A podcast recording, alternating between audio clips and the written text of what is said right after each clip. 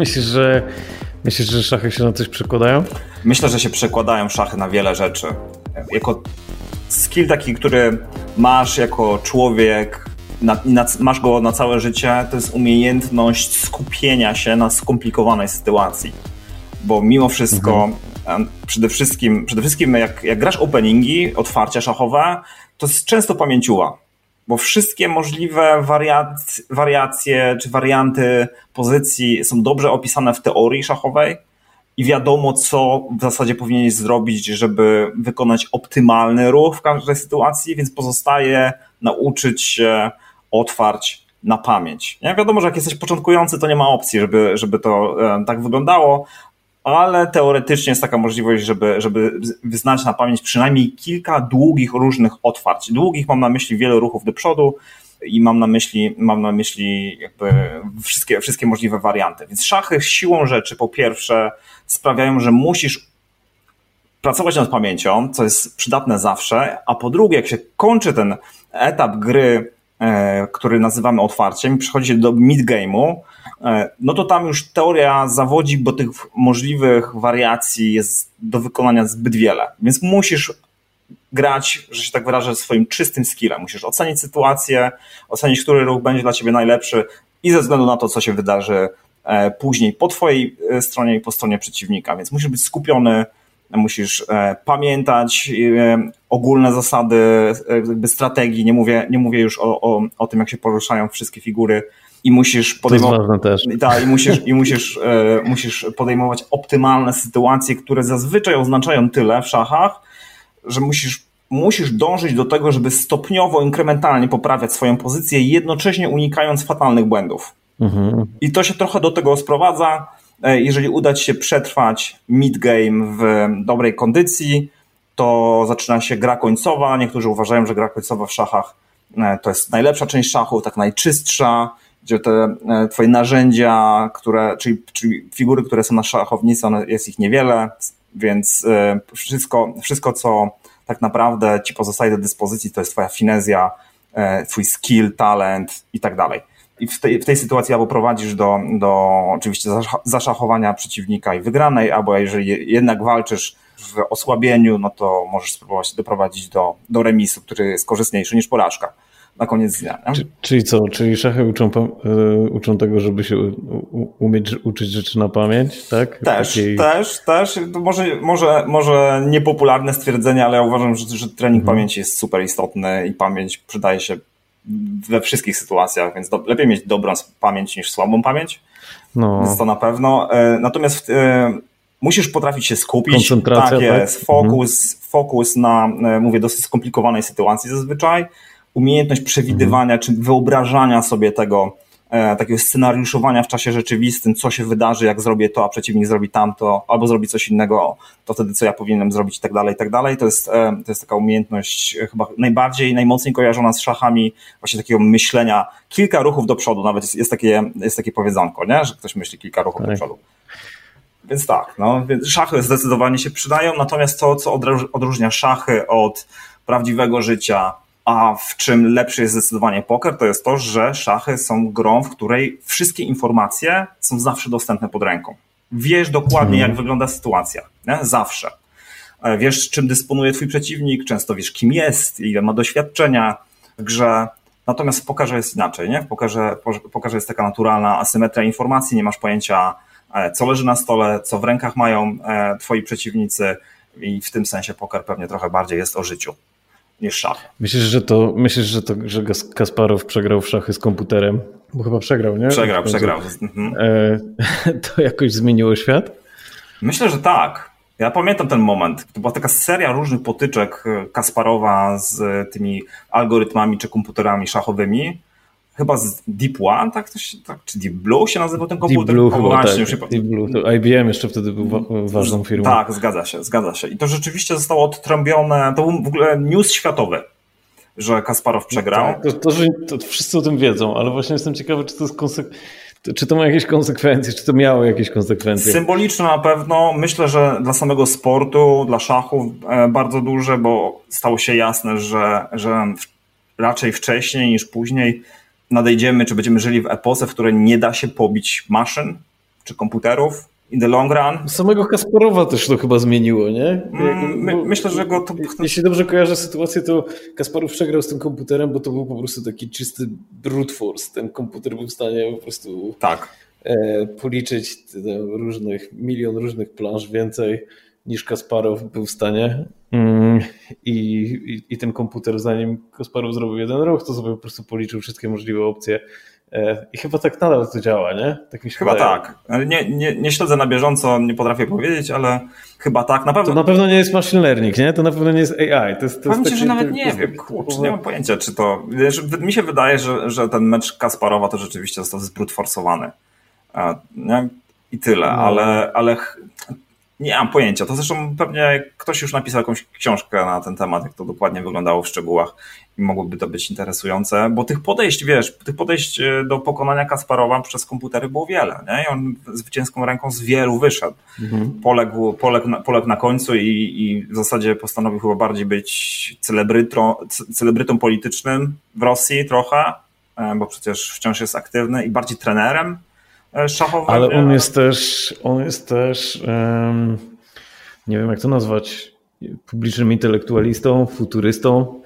E, on jest też gościem, który jest może nie kumplem, ale chyba jakimś rodzajem braterskiej duszy e, Petera Tilla. Tak, tak, tak. Widziałem ten, widziałem ten wywiad, ale go, ale go nie odsłuchiwałem. Jeszcze. Oni bardzo podobnie podchodzą do, do, rzeczywistości, wydaje mi się. Obaj są mocno libertariańscy, co u Kasparowa jest pewnie zrozumiałe, bo, bo pochodzi z komuny. No tak. I wydaje mi się, że to jest jakaś taka na, naturalna reakcja na komunizm. Tak, tak. U Petera Tilla nie wiem. E, I, I obaj są jacyś tacy bardzo sceptyczni co do tego, że technologia popycha świat do przodu. E, Kasparow bardziej myśli o tym, że technologia w spięciu z człowiekiem to jest to rozwiązanie, ale i tak, ale i tak jest, żyjemy w stagnacji i nic się nie zmieniło mhm. od dawna i, i właśnie to, że z nim komputer wygrał, to chyba go specjalnie nigdy nie przekonało, że, że, że to w jakikolwiek sposób zmieniło świat, nie? E, w sensie, okej, okay, komputer potrafi lepiej grać w szachy niż ludzie. So what? Nie? Jakby co dalej. Mm. I, I obaj są właśnie takimi dużymi sceptykami co do tego, czy w ogóle technologiczny postęp zaistniał. Poza tym taką y, jedną kieszenią związaną z właśnie z wymianą informacji, to raczej uważają, że, że żyjemy w jakimś takim złudzeniu y, rozwoju, że globalizacja dała nam złudzenie postępu. Powiem Ci tak, sympatyzuję z tym poglądem, chociaż uważam, że jest naiwny.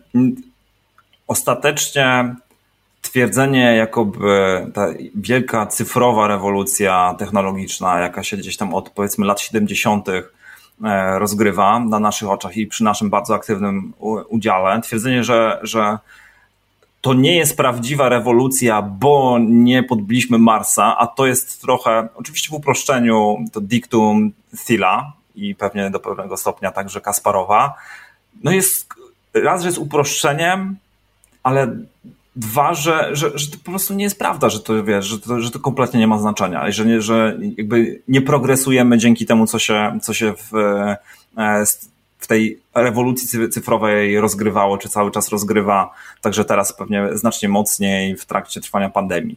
No nie? Więc, więc sympatyzuję z tym poglądem, że fajnie by było, gdybyśmy rzeczywiście tego Marsa ogarnęli, fajnie by było, gdybyśmy nie zaśmiecali e, planety tymi e, kiepskimi paliwami, i fajnie, że Till wierzy, a jestem przekonany, że on, to, że on wierzy, że to jest możliwe do zrobienia.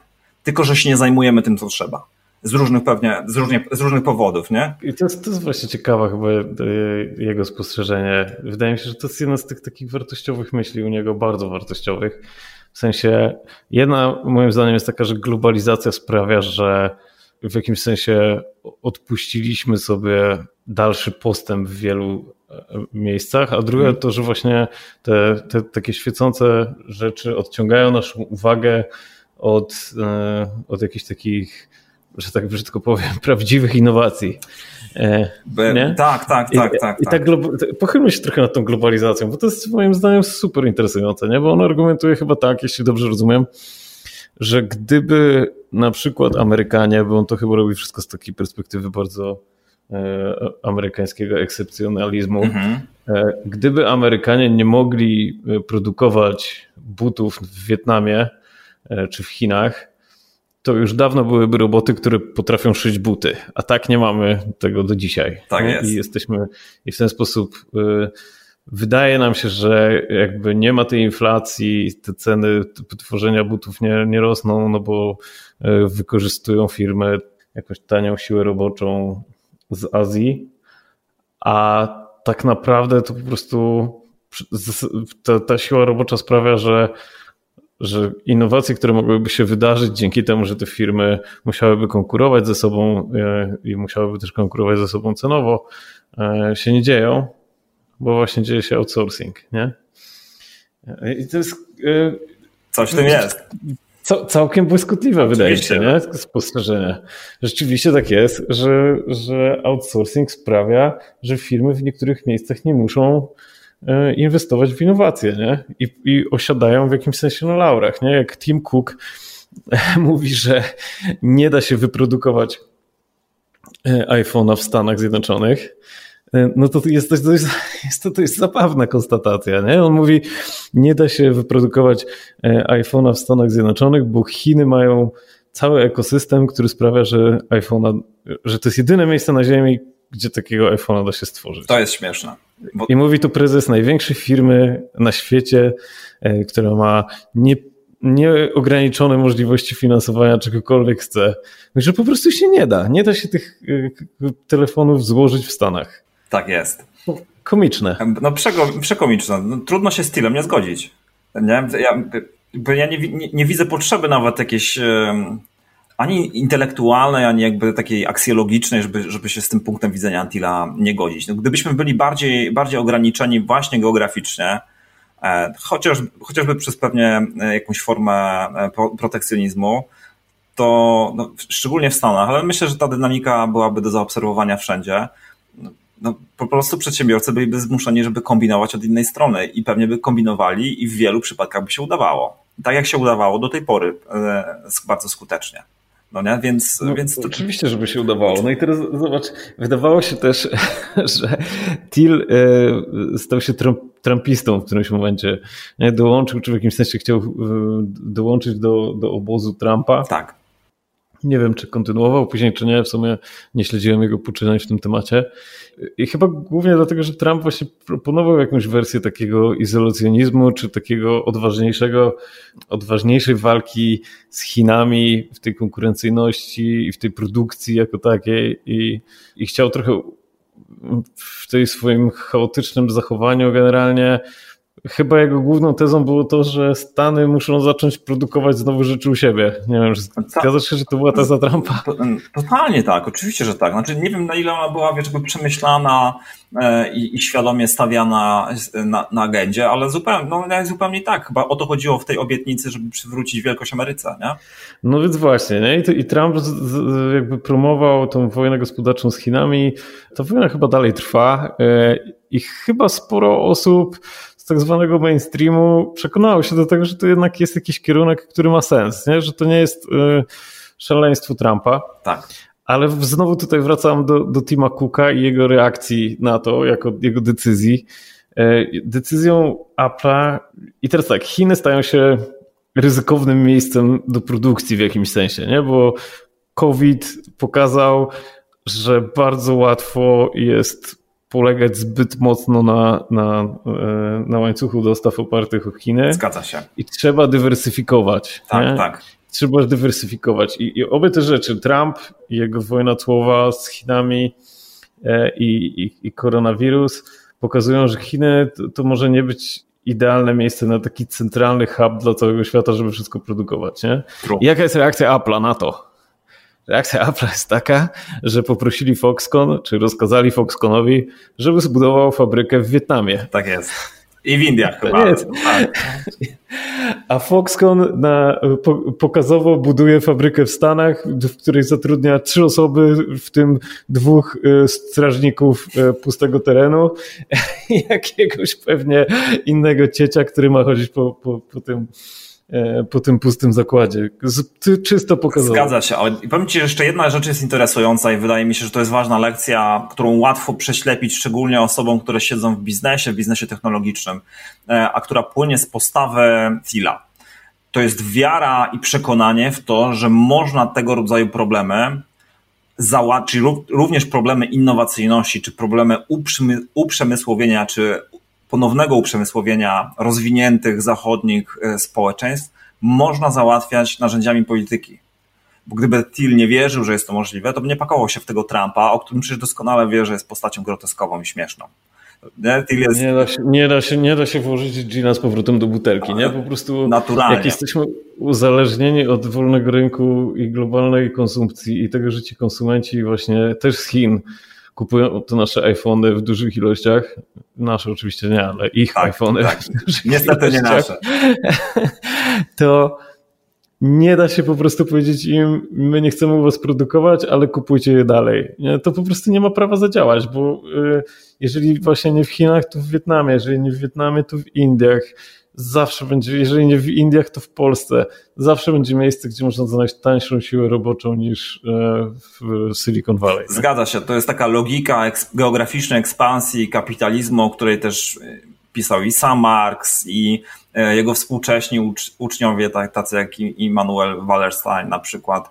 I jakby temat jest całkiem dobrze, dobrze zbadany. Zapewne nie da się tego odwrócić, ale wydaje mi się, że, że być może, być może jedną z takich wielkich otwarć pokowidowych, tej, tej epoki po 2020 roku, a uważam, że ten rok będzie jeszcze bardziej przełomowy i historycznie ważki niż 2001 rok, to będzie próba chyba przetestowania, czy wyeksperymentowania, czy na pewno się tego nie da, przynajmniej do jakiegoś stopnia odwrócić. Ja jestem ciekaw, nie mam mocnego zdania. Uważam, że, że mamy taką tendencję jako ludzie, żeby nie doceniać naszych własnych możliwości. Więc e, wcale nie jestem przekonany, że, że, że, że to jest totalnie nie do odkręcenia. Nie, nie wiem jak, to wymagałoby jakiejś niesamowitej woli, zdolności, determinacji, absolutnie też pieniędzy, żeby, żeby wyiterować czy wyeksperymentować taki, e, taki powrót do, w cudzysłowie rzecz jasna, bo to nie, nie byłby powrót do lat 50., to jest niemożliwe, e, chyba. Natomiast, natomiast pewnie przynajmniej niektórzy politycy będą chcieli się z tym zmierzyć i będą próbowali coś podobnego zrobić, nie?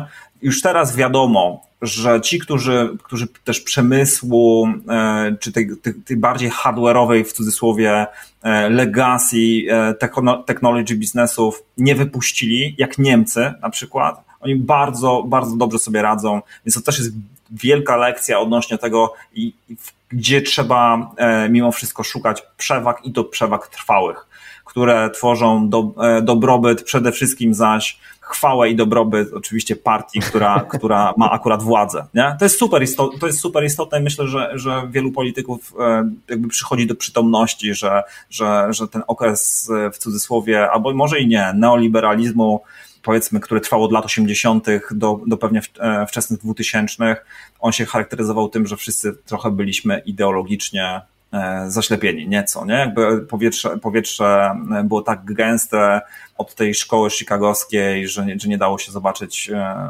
Ale teraz też jesteśmy zaślepieni. Ale nie, teraz jasne, jasne, jasne, nie? Bo, bo teraz właśnie e, tą, zaślepiającą historią była ta, ta historia właśnie Trumpa, nie? Historia o tym, że, e, że możemy odejść od globalizacji i że powinniśmy uważać na Chiny że tak samo jak Polska mówiła, że musi wstać z kolan i zbudować elektryczny samochód.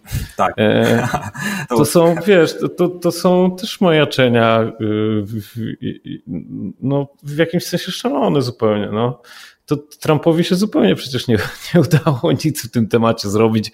Nic, co by było trwałego i, i co, co tworzyło, budowałoby coś nowego, nie?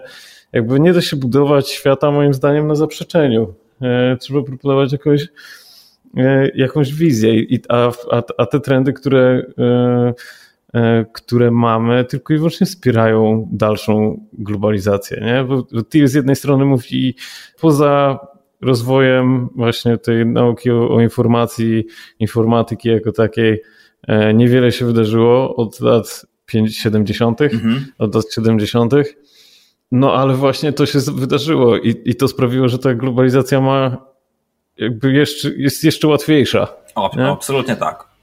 Nie? Że, że teraz e, Amazon e, jest w stanie wejść do Polski, dogadując się z Inpostem, że będzie wysyłał paczki, i to jest po prostu jakby trochę no news. No, to jest jeden kontrakt, bo ludzie i tak wchodzą na tą stronę Amazona niemieckiego, Polacy wchodzą na nią od dawna, nie? Zgadza się. Znaczy, teraz będzie to trochę łatwiej, ale to samo, samo wejście, to ekscytowaliśmy się tym, że Amazon kiedyś wejdzie do Polski od, od pewnie po, początku informacji tego, że Amazon zbuduje w Polsce jakiś magazyn, nie? Tak jest. I te premiery hucznej Amazona w Polsce nigdy nie było, a Polacy od lat kupują na Amazonie. Nie? Cieszę się, że to powiedziałeś, bo ta historia o wchodzeniu Amazona do Polski, ona jest komiczna, to jest komedia polska, bo Amazon od kilku lat w Polsce jest przecież obecny. I ludzie kupują na Amazonie e, rozmaite rzeczy. Co więcej, wiadomo też, że Amazon wydaje pieniądze na marketing w Polsce e, do tej swojej witryny niemieckiej w tej chwili, która została zlokalizowana, jest przetłumaczona na język polski i tak dalej. A mimo to rok w rok wracają te wezwania o tym, że no, na pewno w tym roku w końcu na 100% Amazon wejdzie do Polski, kiedy Amazon od lat już jest obecny. Tylko, że to jest, jest, tak, jest, taka, jest taka taktyka, taktyka wykorzystywana często w mobilu, ale nie tylko, która polega na tym, że, że robisz coś takiego, co się nazywa soft launch. Czyli odpalasz grę mhm. po to, żeby zobaczyć, jak, jak, jak ta gra działa, co, co się tam kreszuje, czy nie kreszuje, czy wszystkie dane są zbierane poprawnie, jak wygląda wstępnie marketing, jak się zachowuje e, gracz i tak dalej, i tak dalej. Amazon nam to zrobił i prawie nikt tego nie zauważył, mimo że, że wielu konsumentów, konsumentów przecież korzysta już w tej chwili z, e, z witryny, ale wygląda na to, że w tym roku Amazon chyba wejdzie już tak totalnie legitnie. No i to jest właśnie, wiesz, esencja globalizacji. No. Moje to nie jest postawienie, jakby to, że y, to nie jest stawianie fabryk, nie? To jest, to jest y, umożliwienie dystrybucji i, i właśnie na tym polega ta, ta globalizacja. Z jednej strony to jest oczywiście jakiś outsourcing kosztów, ale to jest w ogromnym jest, jest to bardzo marginalna sprawa tak. E, w bardzo wielu biznesach, nie? Bo to większość biznesów wysokomarżowych nie musi się tak bardzo o, o, tym przyjmować, po prostu generuje dzięki temu więcej zysku, nie? Ale przede wszystkim globalizacja to jest rynek zbytu, który możesz sobie otwierać dużo, dużo łatwiej niż kiedykolwiek, właśnie dzięki tym wynalazkom, które trochę właśnie mówiąc o nich na zasadzie poza nimi nic wiele się nie wydarzyło, wrzuca na margines Steel. Oczywiście margines taki, że on jednocześnie inwestuje na, na tych rynkach i tam w, jakby w, te rynki rzeczywiście go fascynują, bo nie kojarzę, żeby Til finansował jakieś właśnie loty na Marsa czy, czy jakieś robotykę. Może po prostu przegapiłem, ale rzeczywiście jakby nadal te globalne trendy mhm. wspiera właśnie ta informacyjna rewolucja I tam chyba będzie się ciągle najwięcej działo. To jest, tak jest przynajmniej moja wiara no, w przyszłość. No, to, jest, to jest ciekawe. Czy będzie się najwięcej działo? Nie wiem, nie potrafię powiedzieć. Thiel chyba, e, co jest paradoksalne, jest przecież wielkim, wielkim e, inwestorem w Facebooka też i, i takim politycznym, politycznym trochę agentem Facebooka, przynajmniej do pewnego momentu był. Więc jakby, a Facebook jest przede wszystkim o informacji, globalizacji tej informacji, komunikacji, co to oznacza. Więc, więc ten, kiedy, kiedy Thiel trochę chyba czasami się popisuje tymi hasłami o tym, że, że ta rewolucja informatyczna była mało ważka, niewiele, niewiele wnosiła na koniec dnia. No, mówię, to jest chyba kokieteria, no bo wymiana informacji determinuje lwią część aktywności nas jako, jako ludzi. To dotyczy naszej pracy, to dotyczy tego, co się dzieje na uniwersytetach, to dotyczy oczywiście samego marketingu, całej rozrywki, tego, co robimy w czasie wolnym. No przede wszystkim on realnie inwestuje swoje pieniądze właśnie w to. Otóż nie? to, więc, e, no. więc, więc ma też totalnie skin in the game. E, I na, tak. I na pewno doskonale rozumie, co się, e, co się, co się, co się tutaj dzieje. Nie? Więc, więc z pewnością ta infrastruktura informatyczna czy informacyjna szerzej, którą reprezentuje internet. A myślę, że możemy o tym myśleć i mówić o tym jako o infrastrukturze, nie? bo realnie tam też są kable przecież, które idą pod dnia oceanu i tak dalej. Jest to osławione 5G i, i jest mnóstwo jakby infrastrukturalnej, hardware'owej roboty po to, żeby tymi, tymi informacjami dało się wymieniać w skali globalnej. Nie? Więc, więc trzeba do tego podchodzić jako do infrastruktury i, i nie ma co się specjalnie e, oczywiście dziwić temu, że, że globalna wymiana informacji jakby nie tyle wymagała globalizacji, co ją po prostu umożliwiła czy przyspieszyła, ale oprócz tego globalizacja to są także po prostu oldschoolowe inwestycje E, często na wielką skalę infrastrukturalne, nie? Takie myślę głównie o logistyce, czyli o możliwości przemieszczania siebie, ludzi, towarów oraz kapitału, ale to jest inna historia, jakby rzeczywiście w globalnej, w globalnej skali. To, to nie, można, nie można moim zdaniem też zapominać e, o tym, że, że nawet Amazon, żeby mógł sprzedawać e, towary na całym świecie, to musi móc do tego całego świata w cudzysłowie dojechać jakoś z tym, co sprzedaje u siebie, nie? a to już, to już nie jest wymiana informacji wyłącznie, tylko jednak mhm. hardkorowa, oldschoolowa logistyka. Ktoś musi podjechać do ciebie ciężarówką, żeby ci, nie wiem, przekazać tą książkę z Ameryki, którą sobie kupiłeś, czy coś w tym stylu. Tak, no jest dużo zatrudniają chyba ludzi w związku z tym, nie? Bo chyba Amazon zatrudnia ponad milion ludzi już. Mega dużo, mega, mega dużo ludzi. No jeszcze COVID im strasznie, strasznie pomógł, nie? Strasznie w, sen, w tym sensie, że no, no Biznes się oczywiście kręci. Podczas, tego, podczas koronawirusa samego właśnie zatrudnili jakieś... Dokładnie, milion dwieście tysięcy, jakąś tam taką liczbę zakodowaną. Nie wiem, czy, nie wiem, czy Mają chyba tylu teraz i chyba 400 tysięcy z, z, tej grupy właśnie została zatrudniona w tym roku. O nie, tak jest. Mi, tak, dobrze mówisz. Nawet znalazłem szybko e, te informacje, milion dwieście tysięcy osób e, pracuje dla Amazona, a między styczniem a październikiem zatrudnili 427 tysięcy osób. Szok. To jest Niesamowite, nie? 50% więcej. No. I teraz porównajmy to na przykład do takiej, tak było kiedyś takie słynne powiedzenie, że Polska powinna mieć 100 tysięczną armię. Nie? No, było. Coś takiego, no. To nie wiem, to prawdopodobnie Amazon już jest jedynym z top 5 pracodawców na świecie, obstawiam. Ciekawe, temu. ciekawe. No, myślę, na pewno, na pewno, e, jeżeli nie jest, to niedługo będzie, jak tak dalej sprawy, e, sprawy pójdą. Również zresztą przecież w Polsce, jak już powiedzieliśmy, nie? gdzie ten biznes z pewnością się, się rozwinie i chyba, chyba wszyscy się zgadzamy, że, że pozycja Allegro jest zagrożona już, już na tym etapie. Tak, weszli chyba na, wiesz co, Amazon jeszcze do tego zatrudnienia e, wychodzi mi na to, że są na trzecim miejscu, jeśli chodzi o liczbę pracowników na świecie. Pierwszy jest Walmart, 2 miliony 200, potem jest China National Petroleum, mm. milion 300 i potem będzie Amazon. Szok no, gigantyczne, gigantyczne przedsięwzięcia. Nie? I to też jest, wydaje mi się, ciekawe, że po pierwsze, bo pierwsze dwie, dwie firmy, nie? Walmart i Amazon, są detaliści na dobrą sprawę. Mhm.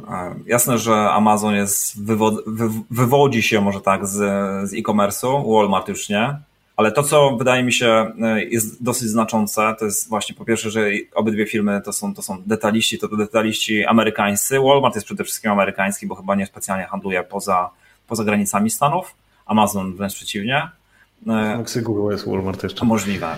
E, natomiast to, co, co powinno zwrócić uwagę wszystkich, to jest fakt, że dochodzi tutaj do również za, za sprawą korony do konwergencji między tym starym detalem brick and mortar, gdzie, gdzie większość dystrybucji i handlu jest oparta po prostu o sieć placówek, sklepów, e, a, a e-commerce'em, dla którego przede wszystkim głównym kanałem dystrybucji też handlu jest, jest online. Nie? To się zaczyna zmieniać. Korona tylko przyspieszyła wszystkie, wszystkie e, procesy z jednej strony digitalizacji, digitalizacji tych wielkich graczy, którzy wcześniej w e-commerce niespecjalnie byli obecni, ale z drugiej strony ci, którzy osiągną odpowiednią, odpowiednią masę, to też jest historia Allegro w Polsce, zaczynają szukać swoich dróg do, do albo wzmocnienia, wzmocnienia logistyki, albo wręcz do sposobów wejścia na, e, na, na te takie stare, w cudzysłowie, rynki, e, to znaczy próbują otwierać sklepy Amazon. Amazon przecież nie tylko swoje sklepy i księgarnie otwierał, ale wręcz Whole Foods przejął. Nie? Więc, mhm. więc to, co, czego ja się spodziewam też w następnych latach, to, to jest z jednej strony jakby ekspansja e, tych globalnych biznesów, które, które mają mocny cyfrowy, e, cyfrowy skill set czy talent w, w organizacji i org-chart, na org-charcie widać, że, że ten digital jest e, dowartościowany, ale z drugiej strony będziemy też obserwowali właśnie konwergencję i coraz częściej te e-commerce'owe biznesy będą po prostu detalistami, a detaliści oldschoolowi będą też e-commerce'ami, w związku z tym pojęcie e-commerce'u w mojej ocenie będzie traciło sens. Nie? Jeżeli 40%, 40% zdaje się handlu jest w UK, w UK tak, dokładnie, poza zdaje się groceries. E, mhm. To jest, to jest e-commerce, no to pytanie, nie? pytanie czy, czy, czy jest jeszcze wielki sens myśleć o e-commerce jako czymś innym niż handlu detalicznym, nie? Chyba nie, już na tym etapie. I jestem ciekaw też, jak to się. Myślę, że wrzuciłbyś to już do jednej kategorii. No, zaczął się, zaczą, zacząłbym się chyba nad tym zastanawiać. Nie, może jeszcze nie jestem, nie jestem teraz gotów tego zrobić, ale, ale myślę, że, że, że, że to jest kwestia nadchodzących lat. I to raczej dwóch czy trzech, może czterech, mhm. E, a nie dziesięciu, nie? Że, że, że rzeczywiście ten, ta, ten kataliktyczny charakter koronawirusa, całej tej pandemii, który doprowadził do przyspieszenia tych procesów digitalizacyjnych z jednej strony, z drugiej strony bardzo pomógł tym, którzy już w digitalu właśnie handlowali i ci zaraz, zaraz się zorientują, że, że nie mogą rosnąć w digitalu w nieskończoność. To zresztą też widać po pozycji samego Amazona, e, w tym sensie, że Amazon nie rośnie wolniej niż e-commerce w całości już teraz. A słuchaj, ja się zastanawiam nad tym, e, bo no jest taka teza, że właśnie koronawirus przyspieszył digitalizację i, i pewnie tak jest. Na pewno biznesy bardziej się digitalizują, bo to widzę też u nas, że, że po prostu e, jest, jest popyt na nasze usługi bardzo duży teraz. Mhm. Ale byłem ostatnio na, na Rusałce i, i, w sobotę i byłem na tej Rusałce tydzień wcześniej chyba, czy dwa tygodnie wcześniej też. I wtedy były zamknięte galerie handlowe i było tak z trzy razy więcej osób niż w tą sobotę, gdzie już utworzyli galerie handlowe. Mhm. E, I zastanawiam się, czy ten e-commerce, który w tym roku tak urósł, e, bo chyba wszystkim urósł jakoś radykalnie, nie? Allegro chyba 50%, 52% chyba, tak. Jakieś szaleństwo po prostu. Może to spadnie w przyszłym roku, jak ludzie będą mogli z powrotem chodzić do sklepów. Co myślisz? Ja myślę, że spadnie. Nie mam wątpliwości. To, słuchaj, moja obserwacja jest taka, że ludzie, którzy siedzą w e-commerce i siedzą w digitalu, mają taką ten, tendencję, zrozumiałą skądinąd, do tego, żeby myśleć o, o tym digitalu i o e-commerce jako takiej przyszłości, przyszłości, która w ogóle wyprze te bezsensowne sklepy, targi i tak dalej. Ale ci sami, moim zdaniem, ci sami ludzie są, dławią się trochę z tym własnym hypem. Nie? Sklepy, sklepy detaliczne, dyskonty, supermarkety, hipermarkety pewnie mniej ze względu na rozmiar, e, ale też targowiska, wspomniane rynki i tak dalej są wbrew pozorom dosyć efektywnym i przyjemnym sposobem na robienie zakupów, ale nie tylko zakupów.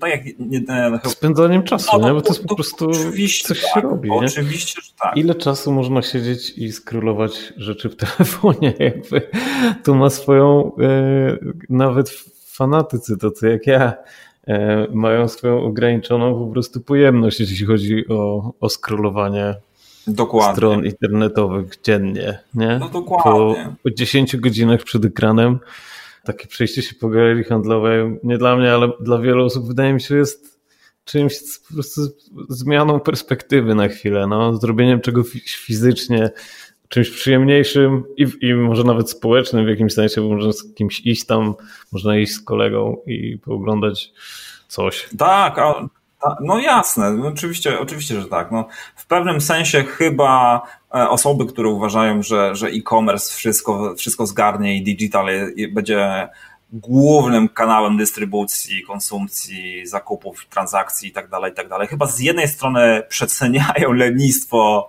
człowieka. Uważam, że wcale nie jesteśmy tacy leniwi. Jasne, że jesteśmy wygodni, ale nie aż tak, żeby, żeby totalnie robić wszystko, bo to zajmie 15 sekund e, mniej. Że scrollowanie, scrollowanie też nie jest jakiś super experience. Otóż, i otóż, otóż, otóż to. I teraz, ale ważniejsze chyba nawet jest to, że, że nie tylko przeceniamy potencjał lenistwa czasami e, ludzkości, ale nie doceniamy tego, że przede wszystkim jesteśmy biologicznymi, fizycznymi istotami. I to oznacza, że, że mamy też potrzeby po tej cielesnej cielesnej stronie i, i, i tyle, tak? Musimy się ruszać. Uczestniczenia w czymś naprawdę. Nie? Tak, dotykać, się, gadać, słuchać, doświadczać i tak dalej. Nie zastąpimy sobie tego VR-em, nie. a na pewno nie zastąpimy sobie tego scrollowaniem w nieskończoność nie wiem, ubrań na Farfetchu, bo to jest przyjemne przez pół godziny, a po jakimś czasie po prostu człowiek ma już tego dość i uważa, że to jest gorsza praca nawet niż pójście do sklepu i przeglądanie tych półek e, sklepowych, bo w sklepie przynajmniej można czasami porozmawiać ze sprzedawcą, on coś powie o tym, nie wiem, skomplementuje, że dobrze wyglądasz w czymś, a scrollując Farfetcha ma się kompletnie nic za to. No. No, no dokładnie i jak idziesz do osiedlowego sklepu, nieważne czy to jest Biedronka, czy to jest e, jakiś taki tradycyjny sklepik, to masz szansę na spotkanie sąsiadów, przybicie piątki, wymienienie informacji o jakichś pierdołach, bądź, bądź nie o pierdołach. Zrobienie małpki pod sklepem. Jeżeli lubisz, tak, to z sąsiadem możesz walnąć małpkę, bo dlaczego nie? Niektórzy lubią, no, znaczy dużo jak się okazuje, dużo osób lubi, ale spotykasz też, wiesz, ludzi, nie wiem, nauczycieli ze szkoły, czy z przedszkola, przedszkola e, e, dla swoich dzieciaków. Twoje dzieciaki spotykają kolegów i koleżanki, tak?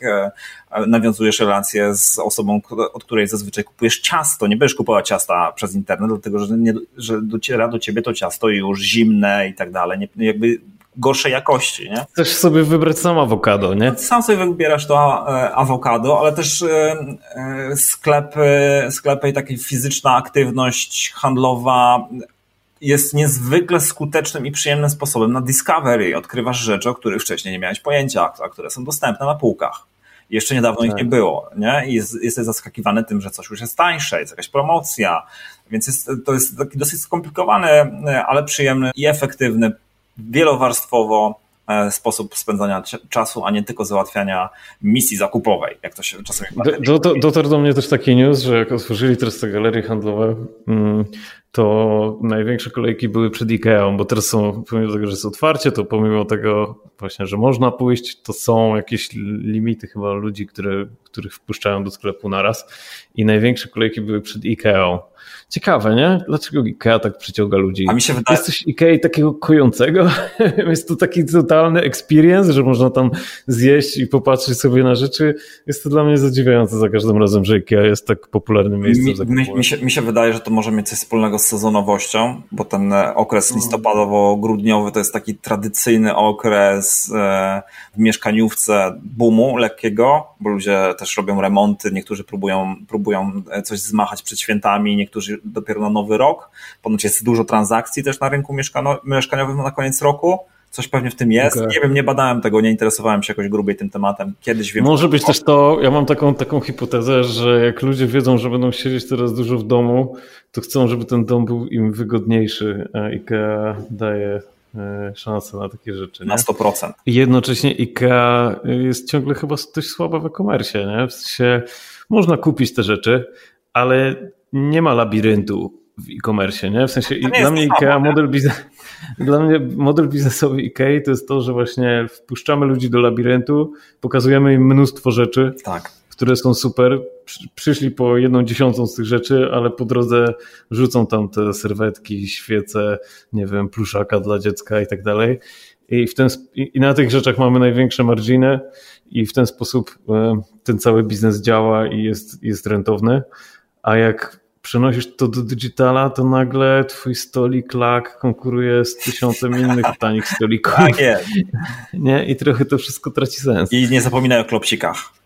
Nie, nie. Tak, no i klopsiki są po to, żeby ci ludzie dłużej siedzieli w tej Ikei no, i żeby pewnie. ten spacer nie był taki nieprzyjemny. Nie? No przecież i też Ikea, no wiesz, to jest trochę żart, trochę nie. Dla wielu osób e, IKEA równa się posiłek e, i równa się, skoro posiłek, to, to muszą być e, klopsiki. Przez lata, nie wiem czy wciąż tak jest, IKEA była liderem straty, jeżeli chodzi o gastro. Właśnie dlatego, że, że to jest mechanizm marketingowy. Tak samo jak te, wiesz, hot dogi za złotówkę. Nie wiem, czy one tam cały czas są, bo dawno nie byłem w, E, w Ikei. no właśnie, nie? to jest część tego experience'u, który opisałeś, a, i który przecież fenomenalnie działa jako właśnie nie, nie tyle sposób na, na zakupienie czegoś do chaty, co na spędzenie niedzieli czy soboty, bo to całą, całą rodziną zazwyczaj, nie? Się jedzie, czy, tak. czy z partnerką, z partnerem obojętnie i spędza się kilka godzin, nie? Spacerując po Tak, i, i na końcu wyjeżdżasz z tego i i twoje mieszkanie wygląda trochę lepiej dzięki temu Dokładnie tak. nie? I czy, czujesz się lepiej w domu, a właśnie teraz spędzamy dużo czasu w domu. Wydaje mi się, że to ma sens. Tak samo jak słyszałem, nie, nie weryfikowałem tego, ale chyba branża motoryzacyjna po takim początkowym dołku zaczęła sobie całkiem nieźle radzić, bo ludzie zamawiają auta i jak e, jestem aktualnie też w procesie, mhm. E, to słyszę, że e, że po prostu ciężko o to, żeby, mm, żeby strzelić się w wolny slot na produkcję tego samochodu, jak kupujesz nowy samochód. I teza jest taka, że ludzie nie byli na wakacjach, musieli odroczyć część przyjemności, które zaplanowali na ten rok i stwierdzili, że w ramach rekompensaty kupią sobie nowe auto po prostu. I, i podobno, zwłaszcza auta luksusowe, e, schodzą teraz dużo lepiej niż kiedykolwiek. O kurczę, stary, to mnie zaskoczyłeś. Widziałem jakieś, widziałem jakieś dane o, ale to, było, to były dane ze Stanów prawie na pewno, o tym, mhm. że znacząco wzrósł e, wolumen transakcji na rynku wtórnym aut że dużo, dużo więcej kupujesz samochodów używanych. Mhm. Po, tym, po tym pierwszym, e, pierwszym szoku covidowym z marca, kwietnia, e, maja. Ale bez szczegółów. Nie potrafię powiedzieć, e, z czego to wynika. Mi się wydaje właśnie, że trochę inaczej niż powiedziałeś, że to może wynikać z tego, że ludzie po prostu chcieli więcej jeździć na wakacje, albo na takie wakacje, wiesz, to ja zauważyłem, zauważyłem po swoim bliskim otoczeniu, że mnóstwo ludzi jeździło dużo, dużo więcej, no takie, wiesz, przedłużane weekendy. Nie? Gdzieś tam takie mhm. tripy, które, które nie zajmują 8 godzin, że jedziesz tam w Bieszczady czy coś, tylko jedziesz dwie godziny do jakiejś tam chatki na przedłużony weekend, żeby trochę wychillować, żeby odciąć się też od, od tego niebieskiego światła ekranów, które towarzyszy nam od, od marca w zasadzie non-stop właśnie po 10-12 godzin dziennie i wracali, wracali później znowu do tej, do tej e, rzeczywistości nowej pracy, pracy w domu, pracy, pracy, która nie jest pracą. E, chyba, tak można czasami też powiedzieć. E, I pewnie coś ma na rzecz, coś jest tutaj na rzeczy, ale to, że ludzie siebie nagradzają za brak, wiesz, właściwych wakacji, kupując luksusowe auta, to kurde, to jest fantastyczna wiadomość, jeżeli tak jest. No, jak, jak patrzę właśnie na jakieś, na jakieś dane, to mm, luksusowe auta sprzedają się e, lepiej niż w zeszłym roku, no. A to musi się jakoś też wiązać i z pewnie dostępnością taniego kredytu, to jest raz, a dwa z tym, że no paru, w paru branżach ten 2020 rok zostanie zapamiętany jako rok bardzo dobry. Może trudny, ciężki, nieprzyjemny, ale bardzo dobry biznesowo i myślę, że nie brakuje ludzi, którzy, którzy, którzy na covid po prostu kosmicznie skorzystali. Nie? Sam wspomniałeś, że u was się kręci ekstra, u nas też się kręci ekstra i... No tak, no, kręci się spoko, ale wiesz, jakby mogło być lepiej, gdyby nie było covid prawdopodobnie, nie? Tak, tak wychodzi z danych. Ale chyba y, stało się coś takiego mm, w wielu biznesach, nie tylko w naszym, że, że marżowość się poprawiła. Nie? I to wynika po prostu z tych oszczędności związanych z pracą zdalną. No, ta praca zdalna w jakimś sensie wytworzyła, wymusiła oszczędności. Nie? Część, nie wiem, biur się nie odnawia, żeby e, w sensie nie odnawia się wynajmów na, na biura, które się kończą nie wiem, jest mniej wydatków związanych z utrzymaniem biura jako takiego.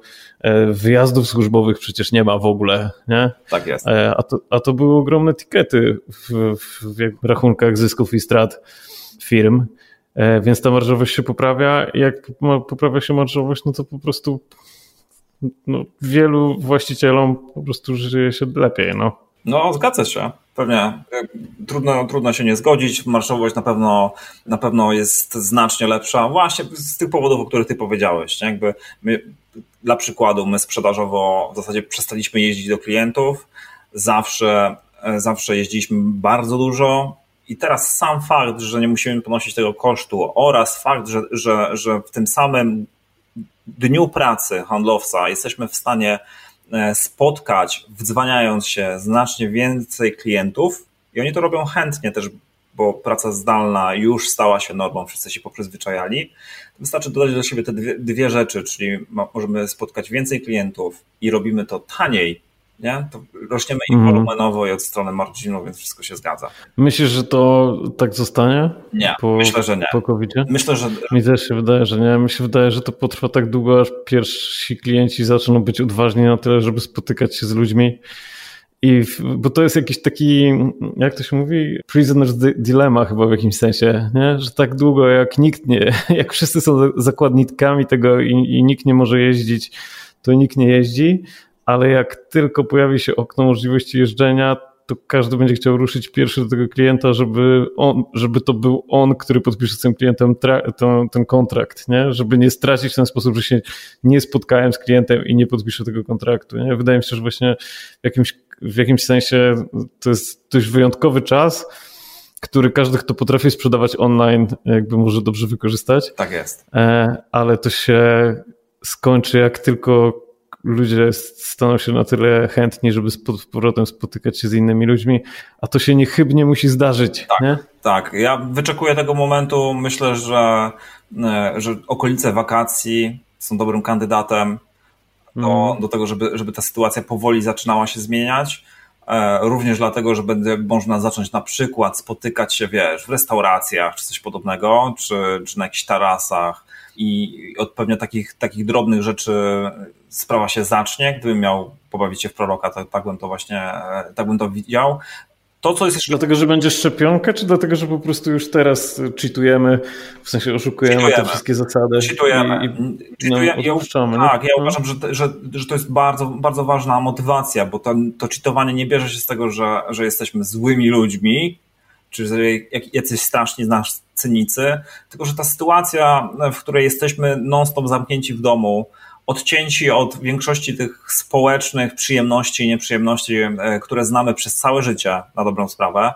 E, hmm. Jesteśmy w związku z tym i zmęczeni, i wygłodniali tego kontaktu nieco, e, i zrobimy wiele, a przede wszystkim sami siebie oszukamy, że sytuacja wcale nie jest taka poważna, żeby, żeby, żeby pozwolić sobie na, na wyjście najpierw ze znajomymi tam na, do restauracji czy coś podobnego, a skoro po pięciu takich wyjściach... Nie, nie, najpierw, no. Kuba, najpierw pojedziemy na narty w, w podróż służbową. Albo, że to się już odbywa, nie? To się odbywa, to już to też znam z takiego bliskiego otoczenia mnóstwo osób, nie? Również w tym momencie. Mnóstwo, tak. mnóstwo podróży służbowych. Bardzo dużo, bardzo dużo. Jesteśmy busy business nation. Nie? Wszyscy trenują y, do zawodów jakichś.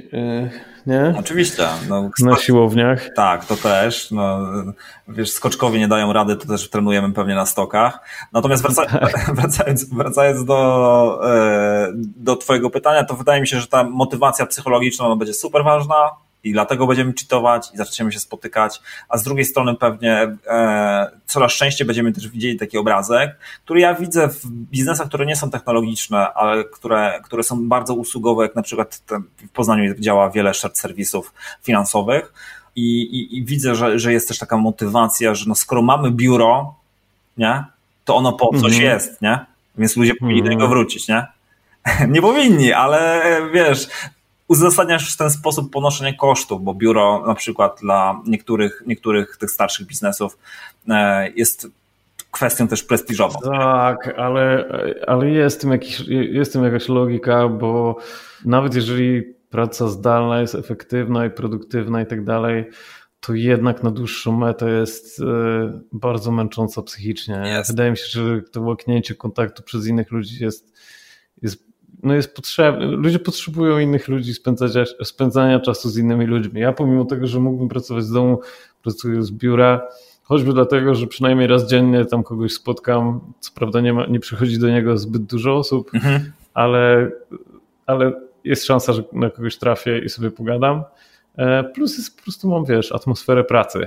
E, wychodzę z domu. Zmianę kontekstu. Coś... Mhm. Tak jest. I to jest dla mnie super potrzebne. Mm, I wydaje mi się, że nie jestem w tym wyjątkowy. Widzę też, nie. że e, rodzi się dużo takich właśnie frustracji związanych z, tym, z tą separacją i z tym właśnie niemożnością pójścia na spotkanie z, ze znajomymi. I że w, zwłaszcza w sytuacji jakiejś samotności to musi być niesamowicie trudne o, e, przebywać ja długi czas. Nie pomyślałem o tym, ale jeżeli ktoś rzeczywiście jest samotny, mieszka sam, i spędza od, od marca. A nie brakuje też takich bytów, które w zasadzie na remote no, nieprzerwanie pracują od marca. Mhm. To musi być straszne doświadczenie, nie? depresyjne, jakieś takie rozrywające wręcz. Nie, nie, trudno, trudno mi sobie to wyobrazić, e, bo moja sytuacja jest dokładnie odwrotna, bo mnie jest mnóstwo, mnóstwo, mnóstwo zgiełków przez dzieciaki, ale to też tak jak wspomniałeś o tym, że ta praca, praca zdalna jest efektywna, to ja bym zapytał, wiesz, w jakim okresie czasu, w jakim horyzoncie ona jest e, efektywna, bo ona potrafi być właśnie efektywna, nie wiem, przez tydzień, dwa, trzy, e, wiesz, przez miesiąc, trzy miesiące, ale wydaje mi się, że, że my jesteśmy już na takim etapie, gdzie właśnie osoby, które pracują zdalnie od sześciu miesięcy, że to już jest traumatyzujące doświadczenie bardziej niż, niż wiesz, doświadczenie produktywności, że się tak wyrażę, nie? Wierzę, że. Ale myślisz, że ludzie wrócą do biur? Tak, myślę, że wrócą do biur i wiele osób wróci do biur z przekonaniem, że to, że to ma jednak więcej sensu. Także, także ci, którzy właśnie mają w tym samym czasie w domu dzieciaki, pracują dużo, bo się na przykład kręci albo się wszystko pali, bo trzeba ratować biznes, bo nie chcesz stracić pracy na przykład. E, myślę, mm -hmm. że mhm. takich, takich scenariuszy też wcale, wcale nie brakuje. I jesteś, i i koniec końców spędzasz kilka miesięcy e, w stanie, gdzie praca i ten, ten twój czas prywatny w cudzysłowie to jest to samo i przy tym, przy tym w tym samym czasie edukujesz też dzieciaki, tak? I starasz się zajmować wszystkim innym e, dookoła, na przykład tym, że są święta i trzeba, trzeba e, jakąś choinkę ogarnąć i tak dalej, i tak dalej. I to jest wycięczające doświadczenie, gdzie, gdzie wiesz, gdzie, gdzie wszystko ci się zlewa w jakieś, jakąś taką magę. No dobra, ale wszyscy nie wrócą, ale wszyscy nie wrócą, nie? nie? W sensie ja bym obstawiał, że 50% wróci, mhm. że te, te biura, które powstały w, w Warszawie, zwłaszcza jak się tam przejeżdża przez Warszawę, teraz to jest niesamowite, jak Warszawa e, się rozwinęła przez ostatnie parę lat i jak dużo biur, biurowców powstało w Warszawie mi się wydaje, że one przez długi czas będą stały półpuste. Chyba, nie mam pojęcia, powiem, trudno powiedzieć. Jakby, ale wiesz, no decyzje zapadły w jakimś sensie, nie? Firmy puszczają te biura, próbują znaleźć, podnająć, nie wiem, nie, nie przedłużają najmów i tak dalej. I dopóki e, nie będzie dużej presji od strony pracowników chyba tak naprawdę, to te biura będą działały w, w połowie albo w mniejszej nawet, w mniejszym nawet zakresie e, niż przed, e, przed pandemią. I trochę sobie nie wyobrażam, że, że to się jakoś zmieni nawet w długim horyzoncie czasowym. Wydaje mi się, że jest bardzo dużo firm, które odkryło, że, że praca zdalna jest ok, że pracownicy, bo w tym, wydaje mi się, że tym głównym blokerem była ta psychologia związana z tym, że ja nie widzę, czy ci ludzie pracują i tak jest. o Jezus i co, co teraz. To trochę nieracjonalna, ale jednak. I że teraz widać, że oni pracują, że nie trzeba ich tak pilnować non-stop, że, że, że to nie jest, e, że każdy po prostu, kto ma pracę, to chce ją wykonać jak najlepiej i że to jest z reguły raczej takie zachowania dominują. No i w takiej sytuacji i, i ludziom, wielu ludziom praca zdalna bardzo pasuje, nie? jest dużo wygodniejsza, nie muszą dojeżdżać, nie mogą mieszkać w innym miejscu niż do tej pory planowali, nie muszą mieszkać w centrum miasta i tak dalej. Więc wydaje mi się, że biura się nie zapełnią już chyba nigdy w takim zakresie. Już, już chyba nigdy to nie będzie wymóg, żeby pracować z biura w tych postępowych bardziej organizacjach, tych organizacjach, które właśnie ufają swoim zespołom. Nie? To będzie też fajny test na to, ile organizacji to takie organizacje ufające, nie? Bo wspomniałeś, mm -hmm. że część firm jest postępowa i super. To myślę, że w ciągu dwóch lat się przekonamy, kto jest postępowy, a kto nie. Myślę, że, że będziemy przyjemnie zaskoczeni tym obrazkiem. Tym przyjemniej, że, że wiesz, no, dosyć często narzeka się na taką folwarczną kulturę organizacji pracy w Polsce co ma jakieś historyczne, powiedzmy, uzasadnienie, ale, ale jest ogólnie rzecz biorąc dosyć, dosyć smutne. Jestem ciekaw, jak to, jak to oczywiście e, wypadnie. Mam nadzieję, że, że jakby ten test prze, przejdziemy, przejdziemy dobrze i go zdamy. Natomiast jak wspomniałeś, że, że, że te biura, one nigdy, nigdy nie będą wyglądały tak samo, to ja, ja mam z tym jakiś problem, po prostu nie wiem. Nie? Trud, potrafię sobie wyobrazić scenariusz, gdzie za 3 czy 4 lata taka siła inercji i, i pewnie poniekąd też motywowana właśnie jakimiś takimi bardziej średniookresowymi czy długookresowymi e, efektami negatywnymi tej ciągłej pracy, pracy zdalnej i tym, że praca zdalna została trochę jednak przyspawana do tego dosyć traumatycznego doświadczenia pandemii. Mhm. Wydaje mi się, że teraz jeszcze tego dobrze nie widzimy i nie odczuwamy skutków, e, skutków e, właśnie tego, tego takiego dubletu pandemia i praca zdalna. To to samo, że potrafię sobie wyobrazić, wyobrazić sytuację, gdzie, gdzie właśnie biznes przyjdą do, do przekonania, że dobra, no pandemia już się skończyła, teraz musimy się spotykać, bo na przykład komunikacja jednak nie działa, długookresowo ludzie się nie utożsamiają e, z firmą czy coś podobnego, e, również dlatego, że mają, mają słabsze więzi. Nie wiem, wymyślam to, potrafię sobie po prostu taki scenariusz wyobrazić. No i nie wiem, nie? Z drugiej strony, z drugiej, z drugiej strony to byłoby pewnie fajne i przyjemne i korzystne dla wszystkich. Nie wiem, czy, czy ekonomicznie uzasadnione i, i spinające się na koniec dnia. Gdyby biura rzeczywiście straciły swój taki koszarowy, w cudzysłowie, e, charakter, a stało się taką przestrzenią dobrowolną, w której wchodzisz właśnie po to, żeby świadomie zmienić kontekst z, z tego domowego na kontekst, kontekst pracy, gdzie musi być przyjemnie. Ja mocno, ja mocno w to wierzę, no, w sensie, że biura jako, jako jeden z e, benefitów. E, ja w taki sposób na to patrzę i w sumie na to patrzyliśmy u nas tak od, od bardzo dawna, odkąd pracujemy zdalnie tak naprawdę, czyli tam pewnie od 10 lat albo od prawie założenia firmy. I wiesz, dla nas zawsze ta strategia związana z pracą zdalną była taka, że jak najbardziej każdy może pracować zdalnie skąd tylko chce mhm. i wręcz zakładaliśmy biura poza Poznaniem w momencie, kiedy w danym mieście pracowało kilka osób zdalnie i czuliśmy, że byłoby dla nich fajnym benefitem to, żeby mogły sobie przychodzić do jednego biura i się spotykać regularnie. W ten sposób zakładaliśmy biura. Super. I, I, właśnie w ten sposób podchodziliśmy do tego, do tego w ogóle konceptu biura, nie? że to ma być coś, co sprawia, że ludziom w danym mieście się wygodniej pracuje, a nie miejsca, gdzie właśnie trzeba koniecznie być e, każdego dnia, bo inaczej się nie pracuje. Nie? I druga rzecz, która nam w tej strategii właśnie pracy zdalnej bardzo pomagała i to jest coś, czego, czego brak odczuwamy teraz, wydaje mi się najbardziej. No. To spotkania. Tak. Spotkania najpierw właśnie integracyjne całego zespołu, jak byliśmy mniejszą firmą, a teraz po prostu spotkania integracyjne zespołów, nie? Czy miast właśnie. E, mi się wydaje, że i taką mieliśmy filozofię związaną z pracą zdalną od samego początku, że w takiej codziennej pracy praca zdalna działa bardzo fajnie. Okay. Ja siedzę sobie na Google Docsach, z kimś pracuję na GitHubie, komituję kod, wszystko działa, mam wygodne stanowisko pracy, jest mi jest ok, że nie, może mój kolega nie siedzi obok. Tak jest. E, nam ta filozofia przyświecała od dawna, że po prostu nie potrzebuję mieć tego kolegi obok, żeby było dobrze, żeby, żeby mógł pracować z nim przy jednym projekcie. Ale jednocześnie raz na jakiś czas Choćby po to, żeby odreagować stresy związane z tą pracą, ale nie tylko. Choćby po to, żeby nawiązać przyjaźnie, zbudować y, relacje, pogłębić te relacje, cokolwiek.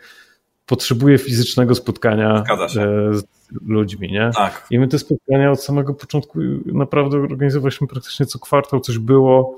Najpierw w ogóle co kwartał cała firma się zjeżdżała w jedno miejsce, mhm. potem to stawało się już e, tak niewygodne i kosztowne, że po prostu nie, nie dało się tego robić, więc organizowaliśmy jakieś mniejsze imprezy, ale też robiliśmy jeden taki zlot całej firmy w roku, tak żeby każdy mógł się tam e, popoznawać. Super. I to mega dobrze działało, wiesz, zwłaszcza na, na demografię, którą, z, z którą my pracujemy, w sensie, wiesz, ludzie 20... Młodzi e, ogólnie. 35, 40, tak. nie? Czyli ludzie, którzy są otwarci na, na no nie wiem, każdy pewnie jest otwarty, ale młodzi ludzie po prostu. I to y, moim zdaniem było fundamentalne w tej, w tej, w tej strategii pracy zdalnej, nie? że pracujesz zdalnie przez większość czasu, ale raz na jakiś czas możesz ale, się spotkać z dokładnie.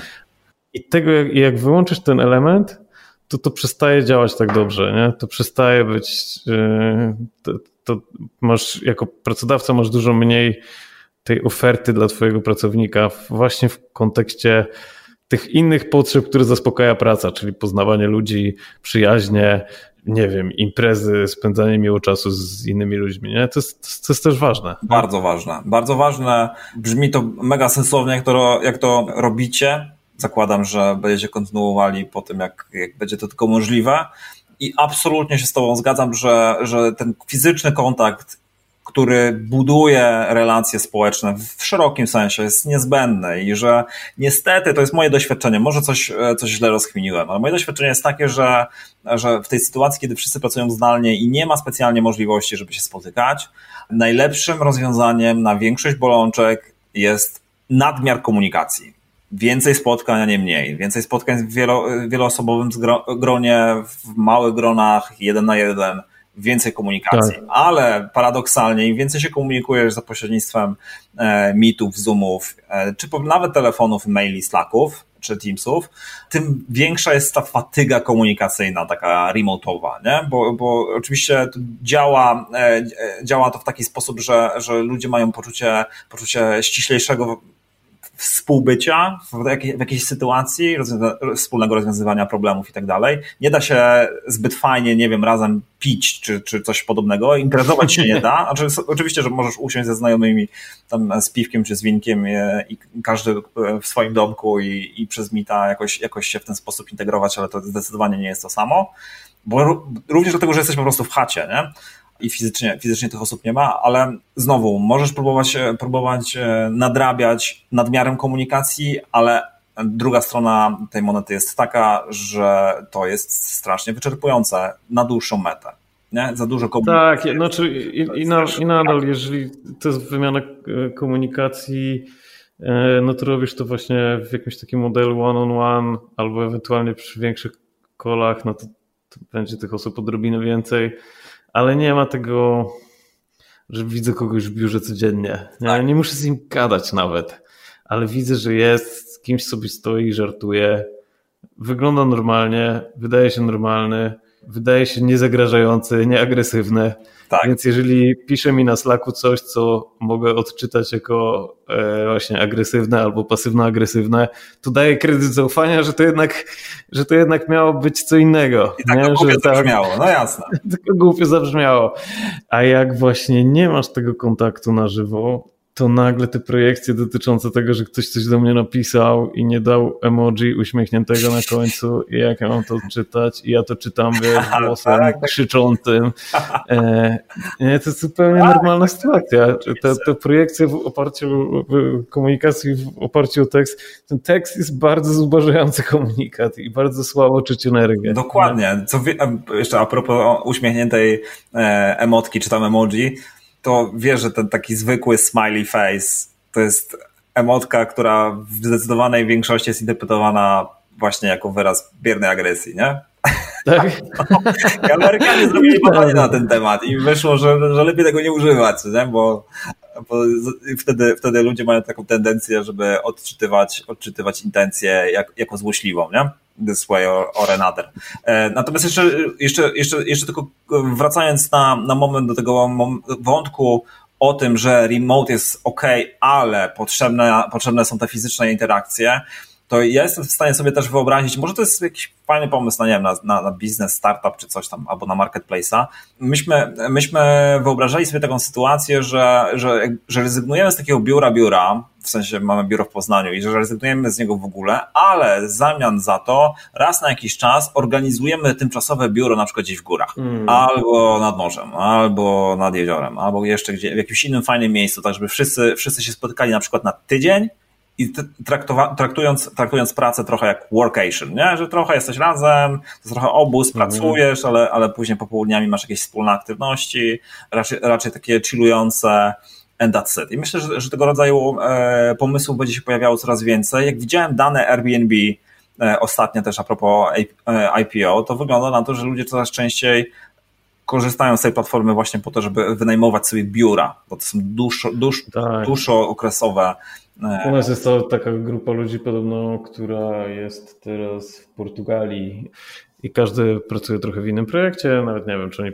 pracują przy jednym projekcie, ale właśnie jest grupa osób, która pojechała sobie do Portugalii, wynajęła sobie coś tam i sobie stamtąd pracuje. Wiem, e, mój najbliższy współpracownik Dawid jest teraz na Teneryfie, mhm. także ewidentnie ludzie tak robią. Trochę nie wierzę w to, że można tak pojechać całą firmą, e, bo, bo zawsze nie da się wyjechać całą firmą. Wiesz, no, chodzi, że, że masz jakąś tam 90%, jak, jak osób będzie chciało wyjechać w tym samym czasie, w to samo miejsce, to już jest tak nieźle. E, to jest wręcz genialnie i to znaczy, że 10% w jakimś sensie wykluczasz mhm. E, i to jest problematyczne. To raz, a dwa, że jako właściciel bierzesz na siebie dużą odpowiedzialność za zdrowie tych osób, jak już wjeżdżają razem, wiesz, pod twoją egidą gdzieś, I to chyba też jest dość stresujące, nie? Że, że komuś się coś stanie po prostu. Ja, jasne, ja, to, ja nie, nie mówię, że to jest optymalna strategia, tylko raczej w takim kontekście, że potrafię sobie wyobrazić, że ta przyszłość biura będzie mhm. zupełnie inna niż biura, które znaliśmy do 2020 roku. To prawda, też tak mi się wydaje. No, w ogóle przez jakiś moment wydawało mi się, że właśnie tą, tą koncepcję perka można pociągnąć dalej, nie? że jak, jak myślimy o biurze jako benefit, to może tym beneficie powinny być inne rzeczy niż to, że możesz siedzieć i popracować, nie? Mhm, że nie wiem, może to powinna być jakaś prywatna siłownia albo coś takiego, ale wydaje mi się, że siłownie po prostu działają lepiej niż, niż siłownia w biurze, którą sobie zrobisz i można tak zrobić, pewnie to, to jest jakiś koncept, ale chyba nie jest to super atrakcyjny koncept, no. No, chyba, chyba, chyba nie ma sensu konkurować z siłowniami, nie? To byłoby ciekawe, tak. gdyby połowa biur miała swoje siłownie, na pewno odmieniłoby to krajobraz e, rynku fitness, może na plus nawet, ale chyba nie ma, nie ma co próbować w tym kierunku, nie? Jest dużo innych pozytywnych rzeczy, które, które trzeba zrobić, żeby sprowadzić na ludzkość więcej postępu, żeby Til był zadowolony. I za to się zabierzmy w takim razie. Yep, do roboty. no, dzięki. Dzięki. W kontakcie. Trzymajcie, pa. cześć, pa.